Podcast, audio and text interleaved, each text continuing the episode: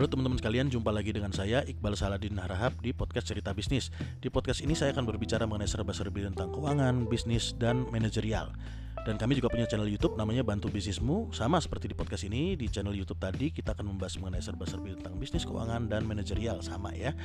Dan uh, podcast ini disupport oleh bantubisnismu.com dan Kuantum Sinergi Umat qsu.co.id. Kita bergerak di bidang uh, keuangan dan investasi. Jadi bagi teman-teman monggo mampir ke website kami supaya bisa melihat tentang proyek-proyek apa saja yang sedang kami kerjakan. Dan tema yang akan kita angkat pada kesempatan kali ini adalah bisnis adalah permainan tim. Artinya kita nggak bisa menjalankan bisnis orang diri teman-teman. Nggak bisa kecuali kita ingin bisnis kita nggak bertumbuh Karena segala sesuatunya masih kita kelola sendiri. Dan biasanya nih orang yang sudah punya usaha akan berpikir bahwa Dengan berpik dengan merekrut karyawan Merekrut tenaga kerja pendapatan mereka akan berkurang Contohnya gini, misal orang punya toko ya dijaga sendiri, mungkin dia bisa dapat uang 3 juta dari penjualannya, dari keuntungannya ya.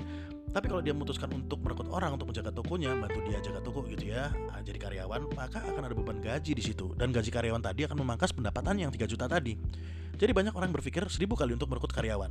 Ya mungkin takut ketipu, takut karyawannya nanti pinter terus buka usaha sendiri, terus takut gak bisa ngomel sama karyawannya, takut nanti kalau direkrut terus karyawannya nggak ngapa-ngapain, bingung negurnya gimana, ya dan banyak alasannya ya. Kalau saya pribadi ngelihat karyawan itu adalah sebagai aset, bukan sebagai liabilitas. Artinya, karyawan haruslah bisa membuat pekerjaan saya lebih cepat selesai, lebih efisien sehingga saya bisa ngurusin hal-hal yang lainnya. Memang akan ada pengeluaran e, tambahan yang terjadi ya sebagai gaji. Tapi kan saya sudah ngitung di depan sebetulnya dengan penambahan tim apakah bisa meningkatkan angka penjualan? Harusnya bisa. Ibarat main bola pasti ada yang jadi striker, ada yang jadi penjaga gawang, ada yang jadi back. Gimana coba ya kalau dalam satu regu sepak bola itu semuanya jadi kiper semua. Atau cuma ada satu orang lah gitu ya satu orang yang jadi striker gitu. Nggak ada kipernya nggak ada backnya. Ya pasti akan sangat melelahkan itu main bola. Lari ke sana sendiri seorang diri jaga gawang nyerang sama bersamaan ya. Satu orang melakukan banyak hal pasti akan sangat lelah.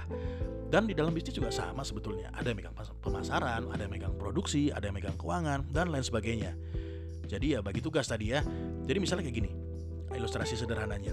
Misal saya punya sebuah rumah makan kecil ya pada awalnya ya dan semuanya saya kerjakan sendiri mulai dari masak melayani tamu belanja promosi dan lainnya pasti akan sangat capek gitu loh karena semuanya dikerjakan sendiri tapi ketika saya sudah punya orang yang bisa diajari masak saya bisa mewakili pekerjaan masak tadi kepada tim saya tadi karyawan saya tadi jadi saya bisa mengerjakan pekerjaan yang lainnya jadi misalnya gini, 100% pekerjaan kita full ya. Kalau ada yang bantu masak, pekerjaan tadi itu kan bisa berkurang jadi 80%. Lalu pada lain kesempatan kita rekrut uh, pelayan atau waiter lah bahasanya ya. Bebannya bisa berkurang lagi 20%. Jadi tinggal 60%. Lalu pas ada rezeki kita rekrut kasir untuk ngurusin keuangan sehingga beban yang tadi berkurang lagi jadi uh, berkurang lagi 20% jadi tinggal 40%. Jadi dengan demikian saya punya banyak waktu luang untuk mengerjakan hal yang lainnya, semisal membuat strategi promosi, ketemu sama supplier, ketemu sama calon mitra bisnis, sama investor mungkin dan lain sebagainya. Jadi bagi-bagi tugas lah. Karena bagi-bagi tugas menghasilkan pekerjaan yang lebih ringan harusnya ya. Dan karena pekerjaan jadi ringan jadi lebih efisien.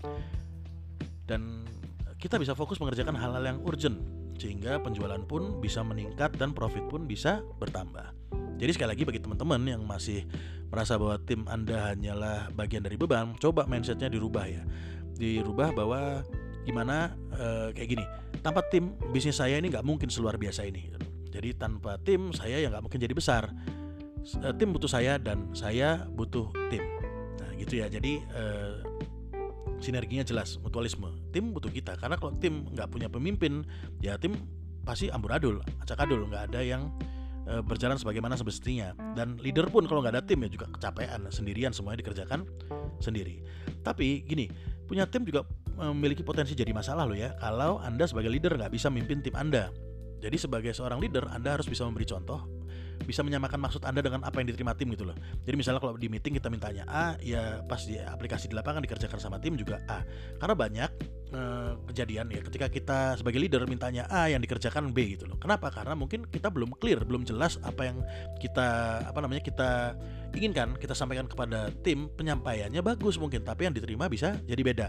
Makanya untuk mensiasati hal tersebut saya biasanya setelah meeting gitu ya. Misalnya saya dalam meeting itu meminta dikerjakan A Lalu berikutnya setelah uh, sebelum ditutup meeting itu ya saya minta teman-teman karyawan itu untuk mengulangi poin-poin apa saja yang saya inginkan.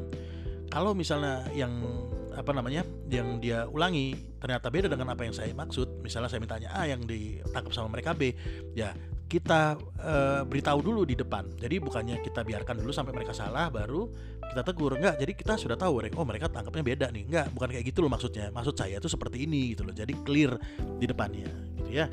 Jadi sebagai seorang leader kita juga harus memiliki kemampuan untuk mengurai apa namanya benang kusut gitu loh. Dan saat ini total karyawan kami ada 15 orang ya. Tentunya nggak mudah kan ngelola 15 orang yang berbeda latar belakang, keluarga, pendidikan, dan ya mungkin latar belakang lainnya ya. Dan ya kita ini judulnya adalah kapten dari tim kecil kita. Kita yang menjaga ritme kerja teman-teman sekalian. Ya, jadi kalau ada perselisihan gitu ya, ada yang ribut, ya kita coba damaikan. Jangan alih-alih mendamaikan, jadi kita yang malah ribut sama karyawan kita. Ya jangan ya.